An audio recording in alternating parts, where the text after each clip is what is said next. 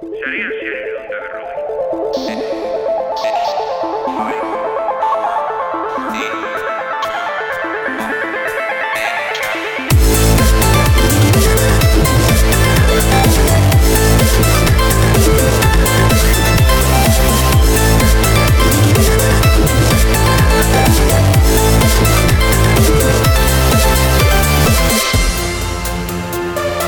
Urtean zehar egutegian markatuta ditugun e, data batzuk e, daude, e, Gabona, Kaste Santua, adibidez.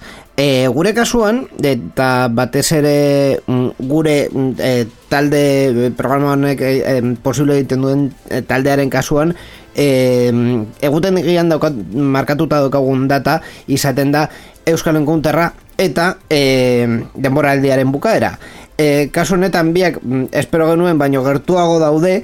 E, baina bueno e, horrela ere aprobetsatu dezakegu justo e, Euskaren Counter baino lehenago e, aurreko astean e, horri buruz zerbait komentatzeko. Eta aurten komentatu, komentatzeko dago e, kitaldia bueltan egongo delako e, milaka pertsonekin ez dakigu zenbat milaka baina milaka izango dira eta gainera aurten e, atal berria estrenatzen dute streaming atala eta baita ere opengunea bueltan dago e, nahi duen edonork e, kitaldira gerturatzeko eta horretan e, eskaintzen diren e, aktivitateak jarduerak eta e, bueno, denetariko itzaldiak eta bar e, gozatu al izateko beti bezala haien webunea euskal.org eta e, gogoratu ere e, Euskal Konterra dela Euskaltel Fundazioak mm, antolatzen duen ekitaldia espri e, Bizkaiko Foraldundiarekin eta Euskaltele, Euskaltelekin batera.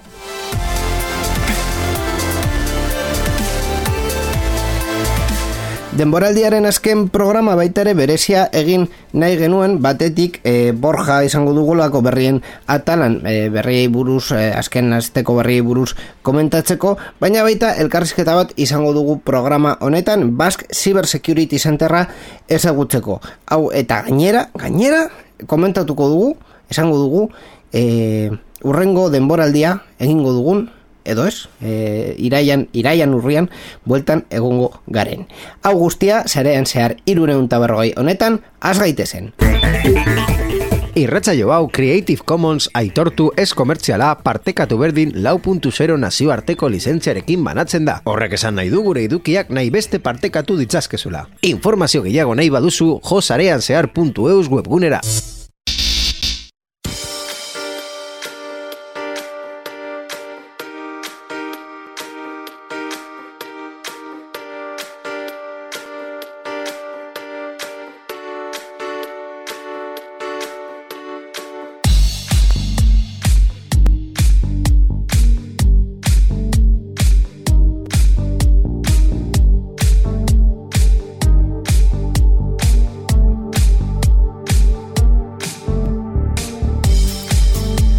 Zaren zehar irureun eta e, berrogei honetan, e, ba, berrien atalera goaz, gure e, atalik e, zabalena, normalean programa guztietan, eta e, horretarako, beti bezala, denboraldi honetan, e, ba, ia, programa guztietan gertatu den bezala, borjar bozarra daukago hemen, arratsaldean. Arratxalde hori Bueno, e, denboraldiaren azken e, programa e, izan dere mm, berri batzuk ditugu komentatzeko oso interesgarriak izango direnak. E, badakizu, Borja, denboraldiaren azken programan galdera bat erantzun behar dugula. Bai, egia da. Galdera hori erantzun behar dugula, baina hori gerorako utziko dugu, e, agian e, berrien atalaren bukaeran, agian programaren bukaeran, ez dakit, hori gero, geroago izango da. E, ilusios beterik etorri naiz, Borja. Badak ah, bai. zergatik? Zergatik. E, pasaden programetan, e, txiste egin genuen e, Homer Simpsonen e, satitxo horrekin e, tximinoak esan du eta bar, eta duela, uste dut, hiru programa edo bi programa izan zirela, e, sintonia berria egin genuela, baina zuen zeunden hemen estreinatzeko sintonia hori. Ai, lehen, lehen aldiz uste dut zirela bederatxur zazpi urtetan edo alako zerbait esen den hemen sintonia bat estreinatzeko eta ni oso triste jarri naiz, jarri nintzen momentu horretan. Orduan, egingo dugu hori ez gertatu den bezala, eta orain, momentu honetan, zurekin, zuzenean, ez dakit sortu den, baina zuzenean, estrenatuko dugu, gure sintonia, estrenatuko berriz, Oso ondo. gure sintonia berria, tximinoak esan du. Tximinoak esan du.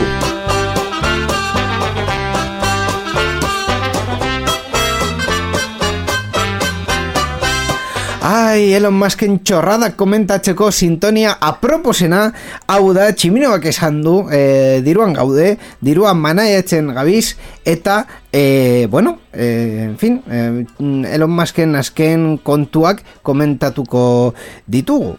Eta guzer egingo genuke inigo programa honetan Elon Musken tximinoa ezer ez esan ez baluk. Hau da, gure ez dakit zenbat programa ja bete digu.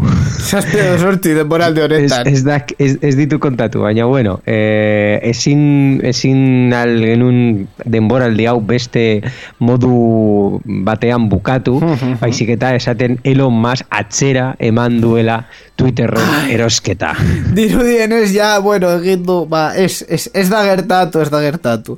Ez da gertatu. Eh, begira, ni bezala, egin du, hau ez denez gertatu bezala, eta ja, ba, bueno, ez du, ez, ez dauka, hau, eraginik. Ba, beitu, Tesla eta SpaceXeko zuzendari exekutiboak 2000 eta bederatzireun milioi dolari inbertitu ondoren sare sozialeko akziodun handia zenak e, berrogeita, e, berrogeita iru, mila, milioi dolarreko erosketa eskaintza hori erretiratu du ostiral honetan estatu batuetako burtsa eta balore batzordean egindako aurkezpen baten arabera. Hau da, bera, bere plana euneko euna akzio guztiak bere ganatzeko asmoa ezerezean geratu da azkenean.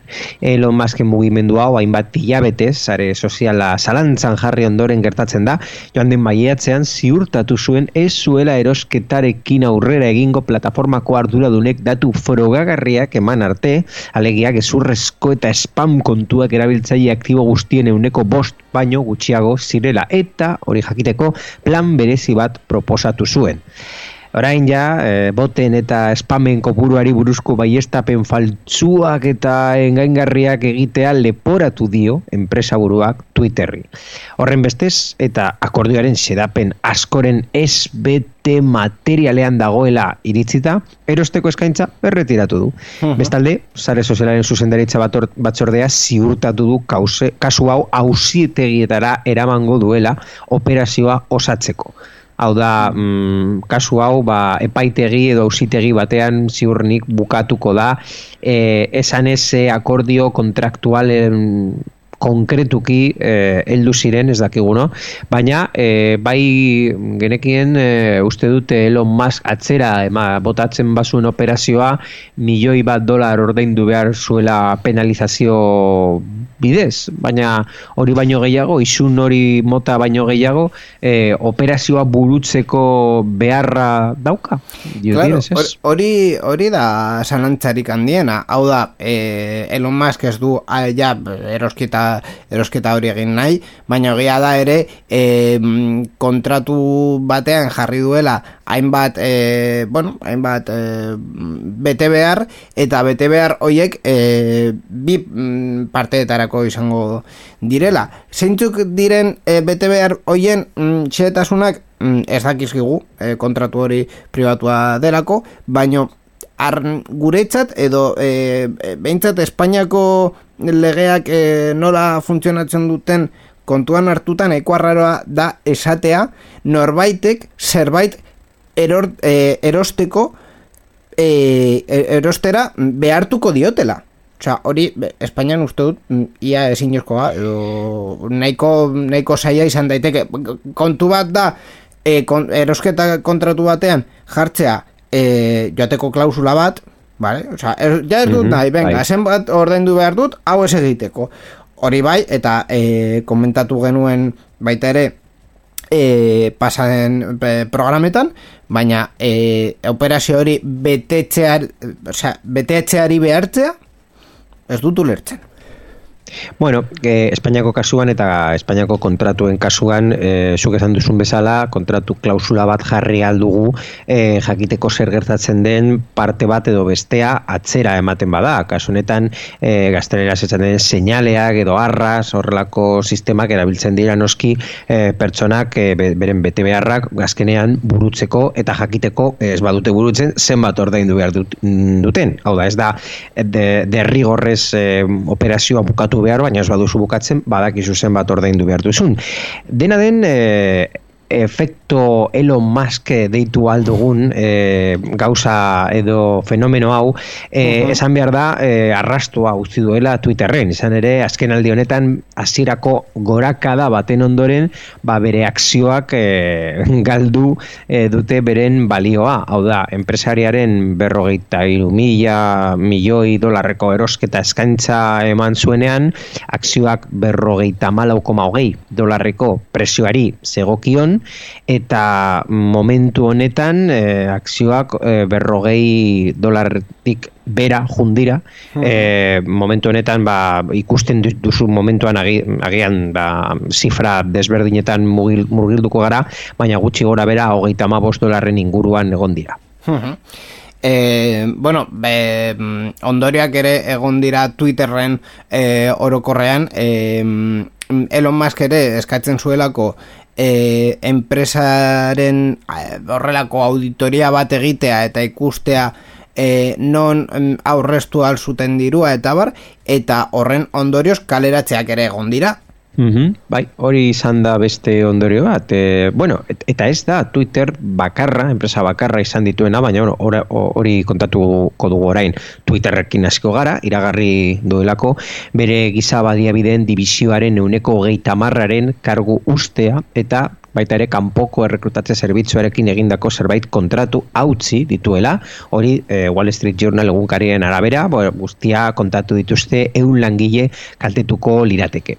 Hmm. E, maiatzean iragarri zuen bai bere kontratazio politikak berrikusiko zituela, langile berrien etorrera geldiaraziko zuela dibizio guztietan, lanpostu kritikoan izan ezin horietan, ba, ezin baituen langilerik gabe geratu, baina une hartan, e, sare sozialeko zeoak para agua, agragual, mm, si zena nahiko berezia bai, esateko, e, bere langilei azaldu ziren erabaki horren atzean, ba, zeuden publizitate zarreren jaitziera baita ere munduko egoera ekonomikoa, eta ba, kompainiak o, prozesu hori Elon Musken e, enpresa saltzeagatik zuen zalantza baita ere arrazoiak izan zituen. Hau da, esen Elon Musk egile bakarra, baita ere ba, e, munduko egoera orokorra eta krisialdia, baina e, esan behar da, Twitter es jartzeko mm, bakarra izanez, ba, beren Twitterreko giza baliabideen ba, hori e, banaketa eta bere zati bat e, hori gabeia geratu direla ez direla izan bakarrak. Hau da,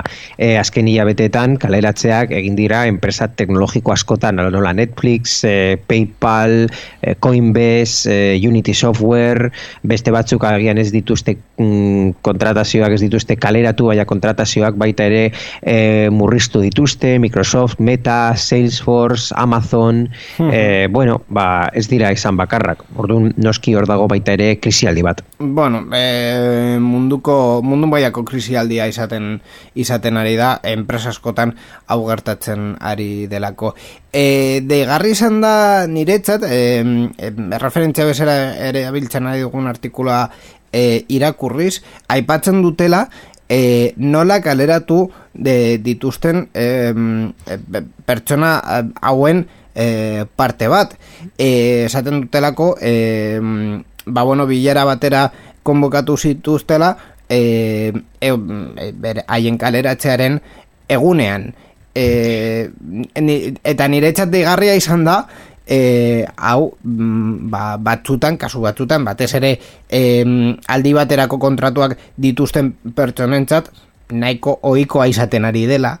Hmm. Orduan, en fin, e, Bai, kaleratze sistema uste dut hainbat e, alditan komentatu dugula programa honetan, e, oso famatua egin zen e, enpresa horrek e, Zoom e, bilera batean bederatxireun kalerak eta e, iragarri zituena, bai. hori noski oso, oso kalte handia egin zion enpresari normala dena, baina eske kasu hori viral bueltatu zen, eta e, Twitterren kasuan Wall Street Journal egunkariak azaldu duen eskaleratzea jasan zituzten langileak, erabakiaren berri emateko bilerara deitu zituzten, ba, justu egunean bertan e, gaueko mm, ordu batetan edo ordu bietan, ba, jaso, bai, sare soziala kontratua, ba, amaitu zela, jakinarazteko asmoa zuen e, bilera bat hor e, deitzen dietela. Claro, baina eh, eske eh, horrelako kasuak, a ber, egia da, eh, kontratuak em, amaitzen diren, be- be- berez amaitzen direnean, ba, bueno,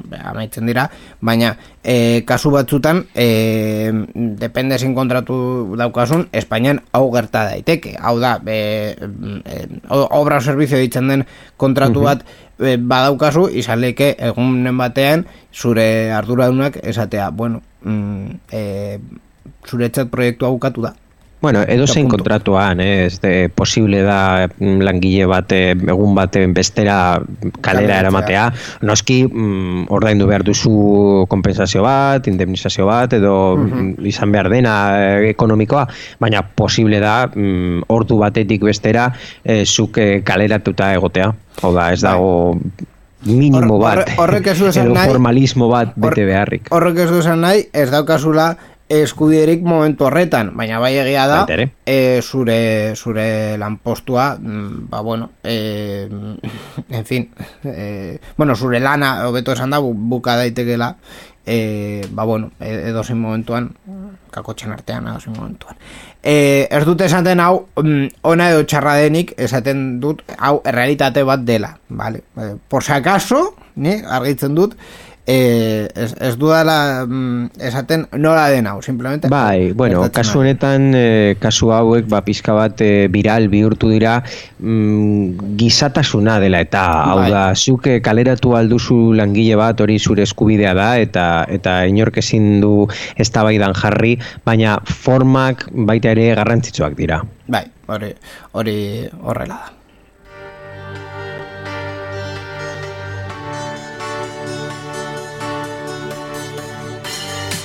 Bueno, gai esaldatuko dugu e, berri legal batzuk ditugulako kontatzeko, baina berri legal hoiek gure superheroiaren eskuz e, datostenez, ba, e, deialdia egingo dugu eta e, Europar batasunaren sintonia erabiliko dugu, nola ez?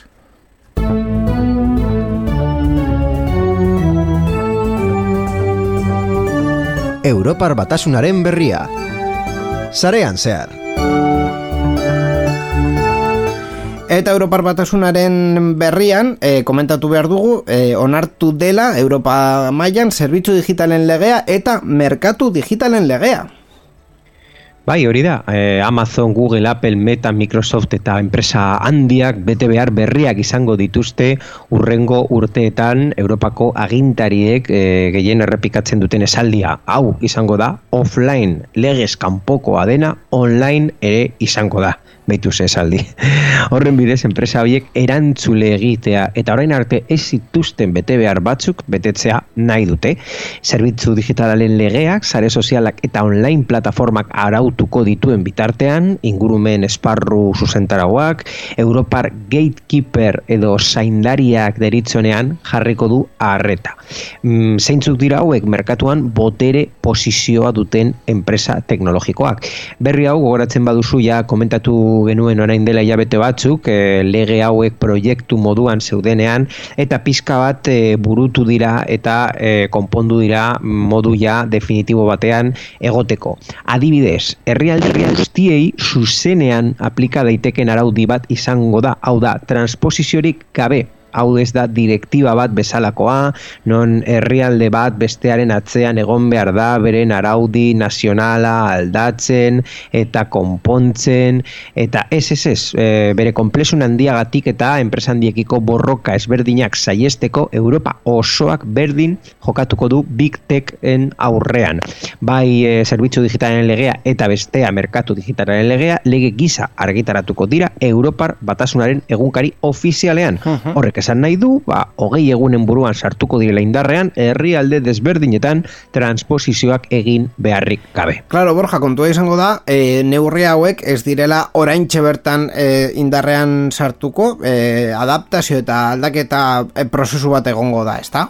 Hori, hori izango da, zerbitzu digitalen legean neuri horrokorrak 2008 lau kurtareriaren batetik aurrera aplikatuko dira, online plataforma handiek eta bilatzaile handien kasuan izan ezik, hoiek testua argitaratu eta lau hilabetetik aurrera aplikatu beharko baitituzte baldintza hoiek. Hau da, 2008 ko hasieratik aurrera, Twitter, Instagram edo TikTok bezalako plataformek arau berriak bete beharko dituzte, edo urteko diru sarrera orokorren euneko amarrerainoko izuna jasoko dute edo hogei erainoko izuna errepikatuz gero. Beste legea merkatu digitalaren legearen kasuan sei hilabetetik aurrera sartuko da indarrean, baina hemen faktore bereizgarri bat dago. Enpresak gatekeeper edo zaindari gisa ba, gehitu daitezke hildo horretan bete beharrak enpresa izendatu eta sei hilabetera hasiko dira. Hau da, gatekeeper momentu hori bihurtzen zaren momentu horretan, Sei hilabete dauzkazu. Oso ondo, ba bueno, e, hauek izango dira e, Europa mailan e, izango ditugun aldaketak e, azkenean, ba, bueno, eskubide gehiago emateko e, erabiltzailei eta e, babes gehiago emateko erabiltzailei.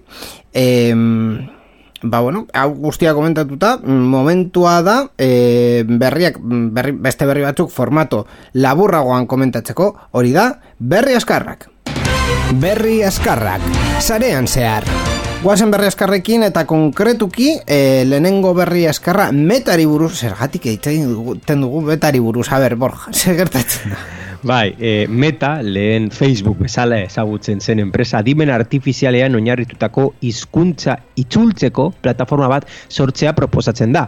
Funtsesko berrikuntza ez da hori, baizik eta hizkuntza mordo baten euskarria orain arte horrelako beste tresna batzuek aintzat hartu ez dituztenak. Berreun hizkuntza Meta garautako sistema NLLB berreun izenekoa, ingelesez No Language Left Behind deitzen dena, hau da hizkuntza bat ere ez da ahaztuko, bereiziki handinaia da e, berrogeita mar mila norabidetan duen euskarriagatik jasandokoa berreun hizkuntza desberdin hoien kombinazioari esker. Hau da, datua alderan, alderatuz Google Translate jasaten du eunda hogeita mairu, adibidez. E, dirudienez e, azkenik edo azkenean meta izango da e, euskara eta beste hizkuntzen salbatzailea ez dakit Bartzelonak zeharka kanporatu ditu Uber edo Cabify taxiaren aldeko dekretu berri batekin. Ez dakit zergatik hau den sarean zearen materiala, baina borja aurrera.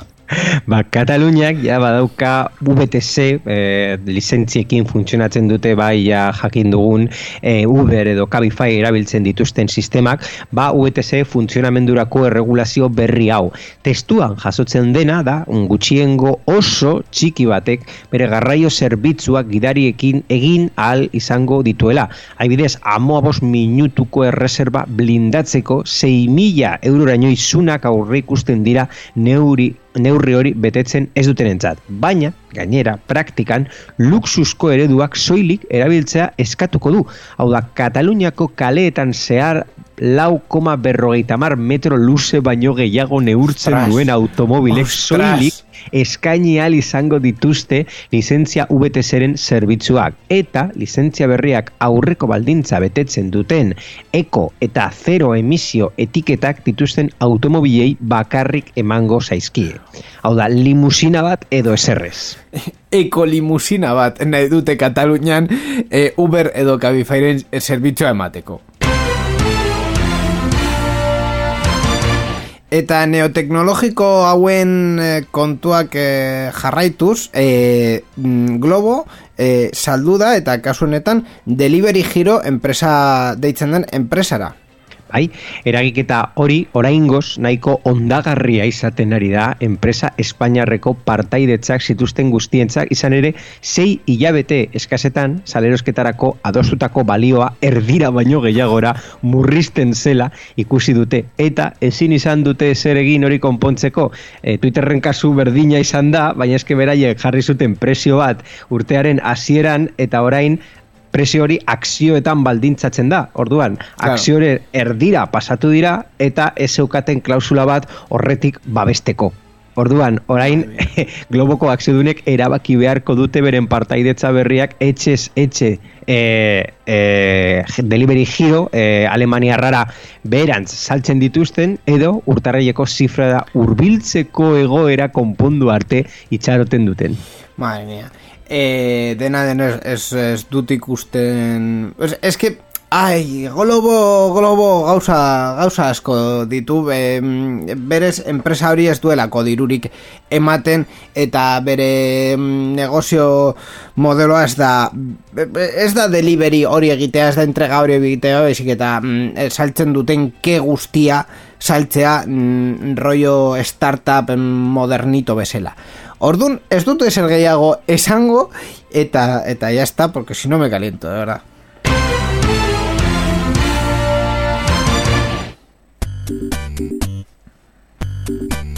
Titulol.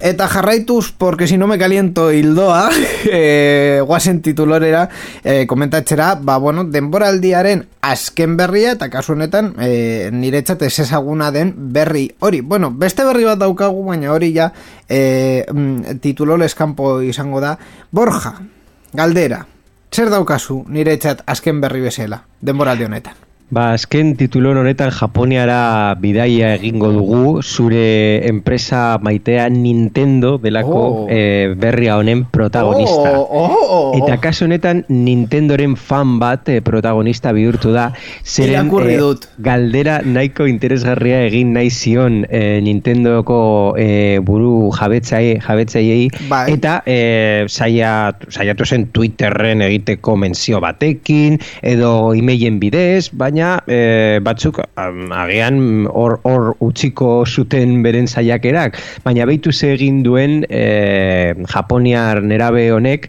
berrogei mila dolar erosi eta akzioen eun kopuru jabe izan eta horrela eh, eh, asamblea orokor batera eh, sartu eta galdera. Claro, eh, eh, pertsona askok ez dakite, baina eh, enpresa batzutan nahiko nahiko presio txikia eh, txikian dago eh, akzioa, ordun eh, Claro, eh, erosi dezakezu, ez dakit, egun, egun eta berrogeita mar akzio eta ja, eh, enpresen portzentai bat daukasunez, zu, eh, asamblea da eurokorrera joan zaitezke, bueno, ez dakit de, de, deitzen den asamblea edo batzar dena dakora joan zaitezke, eta zure galdera egin, nahi baduzu, egin dezakezu. Horrela da. Horrela da, baina kasu honetan erantzuna esen oso positiboa esan pertsona honetako. E, bideojokoa deitzen dira F0 eta erantzuna izan zen ikusiko dugu. Claro, es que mm, por lo que sea, eh, zuzendaritzarekin ez dira horrelako mm, galdera konkretuak eztabaidatzen. En fin, galdera konkretuei buruz. Borja, momentua heldu zaigu. E, berrien atala bukatu baino lehen, ofizialki berrien atal hau denboraldiaren azkena bukatu baino lehen, galdera egin behar dizut. Urrengo denboraldian, Borja Arbosa hemen presente Skype bidez berrien atala zuzentzen jarraituko du? Ah, nahiko, nahiko galdera ona. Eta erantzun ona ez du izango mm, zerenetan nire bizitza momentu honetan planak ez dit mm, egiten, posible egiten. Agordun uste dut eh, galdera geratuko dela mm, erantzun gabe pizka bat gehiago. Oh, oh, suspense, tensión, Suspense, bai, tensioa. tentsioa. Baina, baina ez da ez da nire errua, eh? Eh, Nirekin Bai, entzu- daukan ent- pertsona... en- Entzun dugu, entzun dugu. Entzun dugu, hortik dagoela. Orduan, e, gauzak zailak egiten dit eta eta momentuz konpromesoa ezin dut hartu. Bueno, eh, dena den, Borja, esango dizut, e, iraian, dei bat jasoko duzu, ez dakizu noiz, baina iraian, dei bat jasoko duzu, esango dizut, sarean zearen zuzenen gaude, espres bat egingo dugu, eta horretan, kontatuko dugu, amairu garren denboraldia egongo den, eta nola egongo den. Bitartean, eskerrik asko benetan e, gurekin egoteagatik denboraldi osoan eta, bueno, e, uda, uda on bat pasa e, ondo pasa zure, zure alaba berriarekin, zure lehenengo alabarekin eta irailean kontatuko e, kontatuko diguzu zer izango den? Ba, eskerrik asko ino eta beti esan dudan bezala, baita ere entzule guztioi, uda on bat pasa eta asko disfrutatu.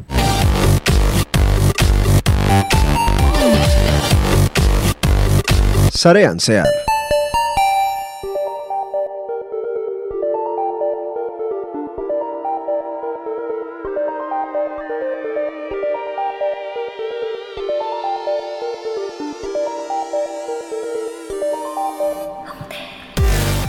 Zaren zaren azken saio, denboraldiaren azken saio hau biribeltzeko elkarrizketa bat bilatu dugu eta kasu honetan e, nahi genuen e, Euskadiko entitate bat e, bilatzea eta haien lana agian ez hain ezaguna e, edatzea eta bueno, e, kontatzea. E, azken finean bi baino gehiagotan hitz egin dugu hemen zarean zearen zibersegurtasun informatikoaz, e, azken asteetan batez ere enpresa eta erakunde garrantzitsuen aurkako erasoen berri izan ditugu eta gobernu guztiek eraso horiek aurka barkatu eraso horien aurka babesteko entitateak sortu dituzte azken urteotan Euskal Autonomia Erkidogaren kasuan erakunde hori Bax Cyber Security Center da. Horregatik haien gana hor bildu gara, zehatz mehatz kontadi ezaguten egungo e, bere haien lana eta egungo e, egoera aster desaten. Horretarako daukagu Eris Lopetegi Fernandez, Bar Cybersecurity Centerreko operazio ingenieria. Kaixo Eris, e, ongi torri zarean zeharera? Kaixo, Lehenik eta behin, e, de, askotan komentatzen dugu zibersekurtasunaren e, hitza eta haien aspektu asko, e, baino definizio bat e, izatea komenigarria izango leike. Zer da zibersegurtasun hitz hau? Bueno, kasu honetan, e, zibersegurtasuna, segurtasun informatikoa kontrolatzeko elementu neurri edo, edo baliabide mutxoa omen da. E, kasu honetan, mm, jende asko uste du zibersegurtasuna bakarrik ingenieritzako arloko e, jarduera da, dela, baina e, kasu honetan askoz e, gauza handiagoa da. E, e, lankile multzo asko ikutzen ditu, e, ala ere e, pertsona juridikoak, e, irakasleak, ikertzaileak, auditoreak, aurkulariak, enpresa kudeatzaileak, e, jende asko e, zibersegurtasun neurriak e, jarri ditzake edo kontutan izan behar ditu bere E, e, egunerokoan. e, zenbait esparru eta e, kargu edo komentatu dituzu e, konkretuki ze, ze, ze atal edo ze esparru ertzen dira e, zibersegurtasunaren barruan? Bueno, ba, kasu honetan, e, adibidez, e, e, ni zibersegurtasun esparruak ba, e, bost e, multzo edo funtzio definitzen ditu, e, bost ekintza motat, motatan ba, identifikatzeko zibersegurtasuneko arlokoan identifikatzeko lanetan, e, babestiko lanetan, e, detektatze lanetan, erantzute lanetan eta baita ere berreskuratze lanetan. Hau da, e, identifikatzea. E, ba, kasu honetan, identifikatu behar duzu e, zure egunerokoan ze e, babestu behar duzu eta nola. Gero, e, bigarren e, babestu, nola babestu behar duzu hori, e, ba, beste funtzio batzuekin, eta gero e, detektatu. Ze, behin babest, e, babesteko neurriak jarri ondoren, e, ziurtatu behar zara, e, ondo dabiltza, e, ondo, e, e, ondo dauden, ala ez. Eta gero, bada espada zertzo bai ba, akatzen bat badin badago, ba, erantzutea, eta guztiz e, e, guztia faiatzen badin badu, ba, berreskuratzeko prozesuak. Orduan, ba, bost neurri mota edo jarri ditzakezu. e, komentatu ditugu mm, ez, batez ere berriak sortzen direnean askotan e, mehatxu edo e, bueno, e, ar, arrisku hoiek e, egunero sortzen direnak baina e, batzuk konkretuki askoz ohikoenak askoz ohikoak dira, ezta? Bai, e, gaur egun ba, e, mehatzu gehienak e, pertsonekin zerikusia daukate.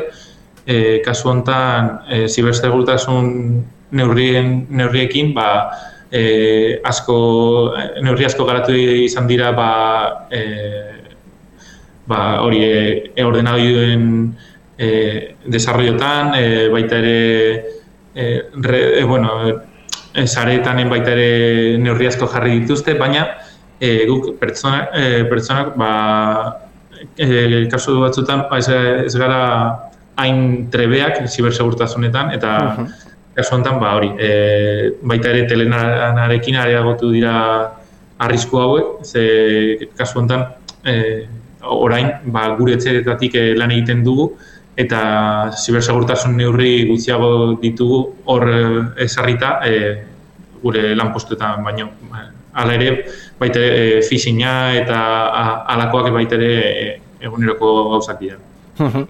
E, claro, azken, azken urteetan e, pandemiaz aparte e, baita ere mehatxu horiek e, asko aldatu dira. E, kasu bat jartzearren e, azken urteetan ja ez da hitz egiten adibidez wifi publikoei buruz ja nahiko seguruak direlako baina gero eta gehiago hitz egiten da e, fishingari buruz eta identitate suplantazioari buruz adibidez.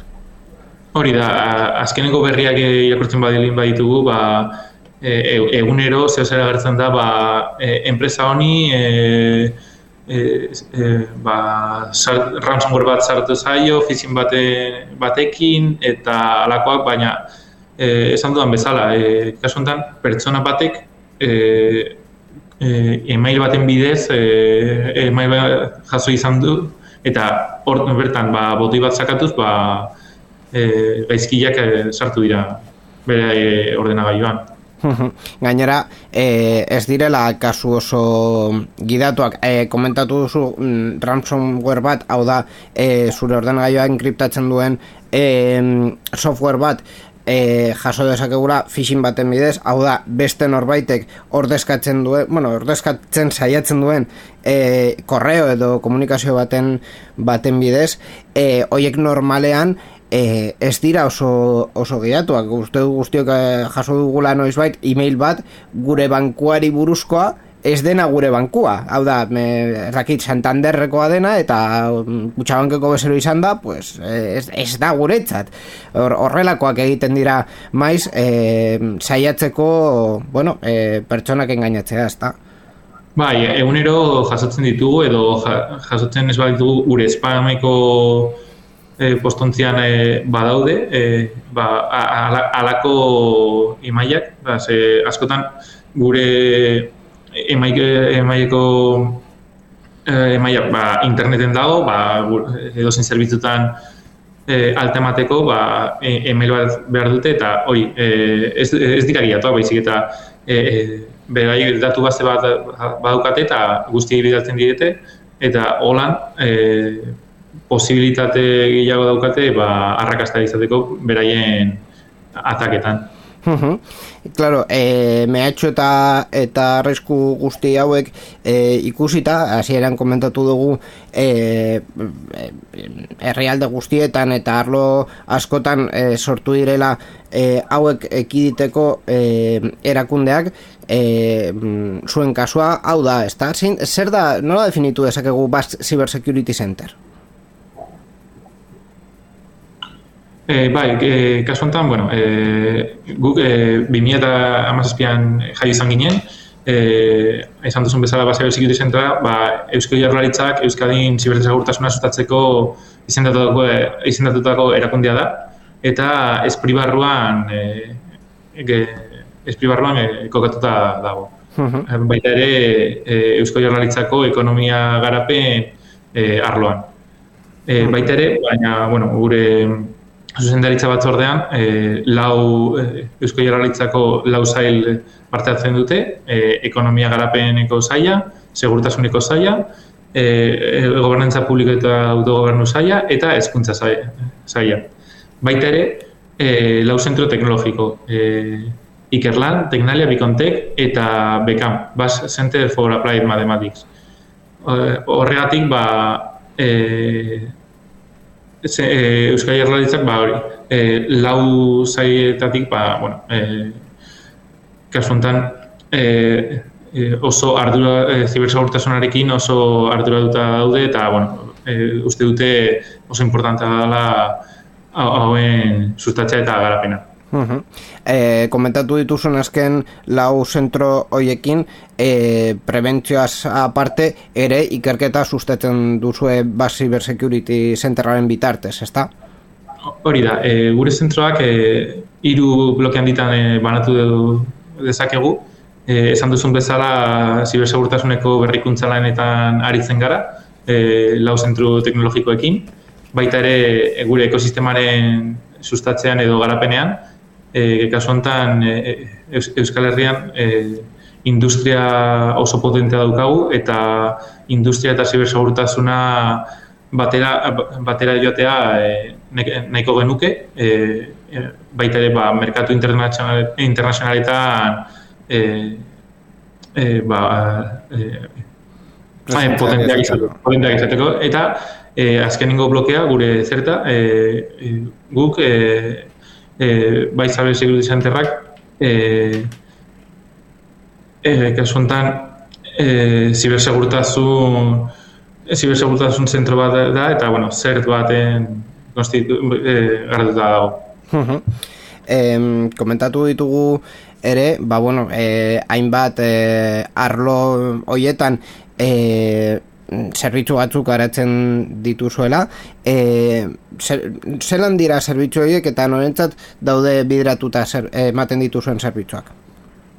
Bueno, e, zibersagurtasun lantalde gisa eratuta gaudenez, e, gure zerbitzuak, e, kasuantan prebentzio zerbitzuak eta e, dira, ba, dira gehien bat, eta baita ere erantzute zerbitzuak. E, zerbitzu hauek e, enpresetara eta baita ere e, e, e, bueno, ez zidan gara bideratuta daude, eta, bueno, mm, kasu honetan, ba, bi zerbitzu e, nabarmendu nahiko nituzke, e, baita, bat da e, sensibilizazio zerbitzuak, ba, guk e, e, e, txarlak batzuk ematen ditugu, ba, bueno, e, zibersegurtasuna inguruan, a, zerten zibersegurtasuna, eta baita, ba, bueno, e, aholku batzuk E, esan ez.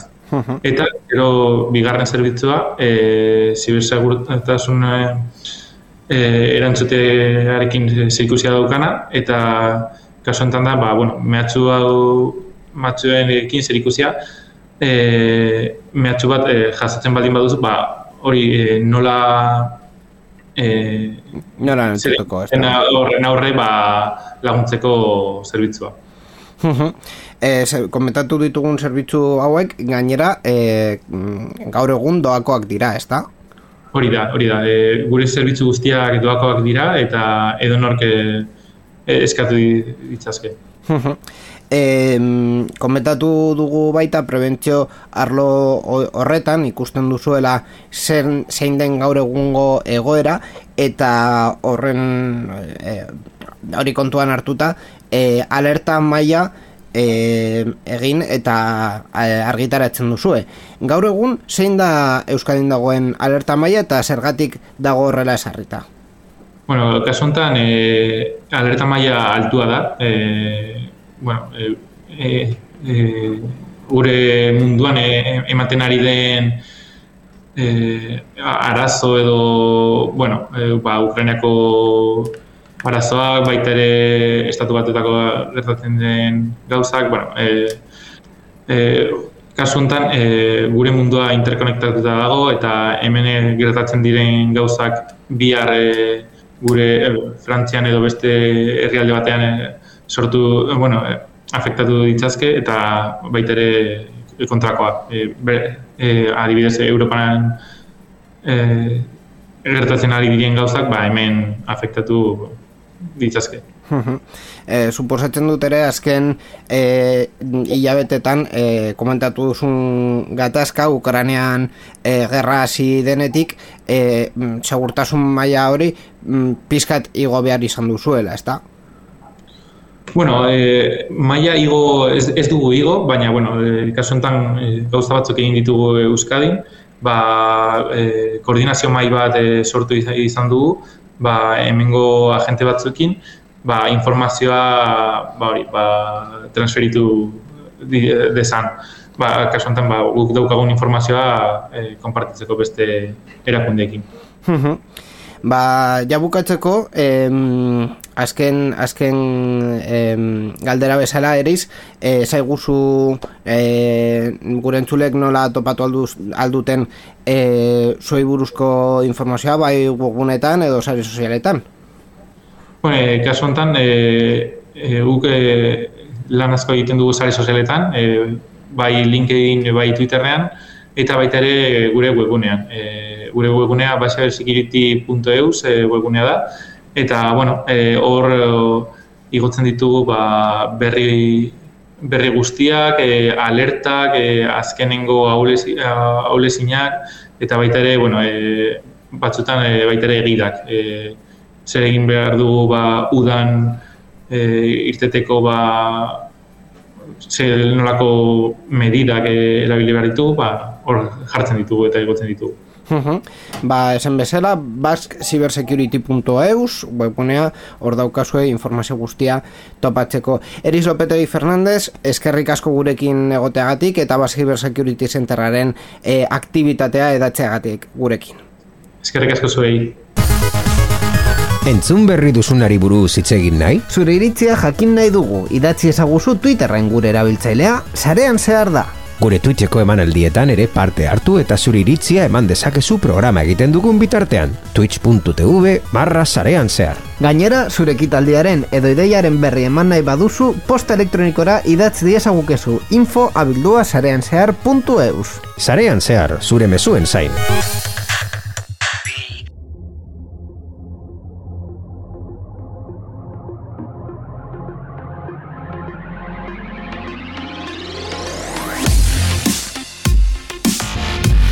Ba, noain oldu da sarean zehar irureun eta berrogei hau, eta baita ere sarean zehareko e, amabi garren denboraldi hau, ja, amabi urte, be, bueno, e, amabi urte bete genituen lehenengo emisiotik denboraldiaren hasieran eta ja, e, urte osoa bete dugu. Ez, e, momentu honetan beti bezala, ba, eskerrak eman behar dugu, e, kasu honetan e, formatu e, luzetxoagoan, ezta? E, lehenik eta ben Mikel Carmonari eskerrak eman behar e, diogu e, e, bueno, ikusten ez den lan horretan egiten du, duen e, lana e, dela eta e, webgunean jartzea programa eta bar eta berrikustea teknikoki guztia ondo dagoen e, baita ere gaizka karmonari eskerrak eman behar diogu azken programetan izan duen e, paperagatik bai berrien atalan bai e, edukiak ekarriz e, Borja Arbosari ba bueno zer esan, eskerrak eman behar diogu azken e, urteetan egin duen lanagatik eta ba- batez ere e, azken programetan e, dagoen, daukan egoera e, izan arren ba, bueno, e, ez duelako falta e, sarean zeharera bakarrik behin eta e, eta eman genion baimena. Or- orduan ba eskerrak ere eman behar e, diot ni pertsonali berari e, horre, e, kontu, kontu hori- dela eta. E, baita ere gaurko programan e, eskerrak eman behar diogu e, Cyber Security Centergaren talde guztiari elkarrizketa posible egiteagatik eta beti bezala e, irratian dauden teknikari eta e, eta ekoizpen taldei e, programaren emisioa posible egiteagatik ere. Horiek gure e, bueno, gure eskerrak e, talde guzti hoiei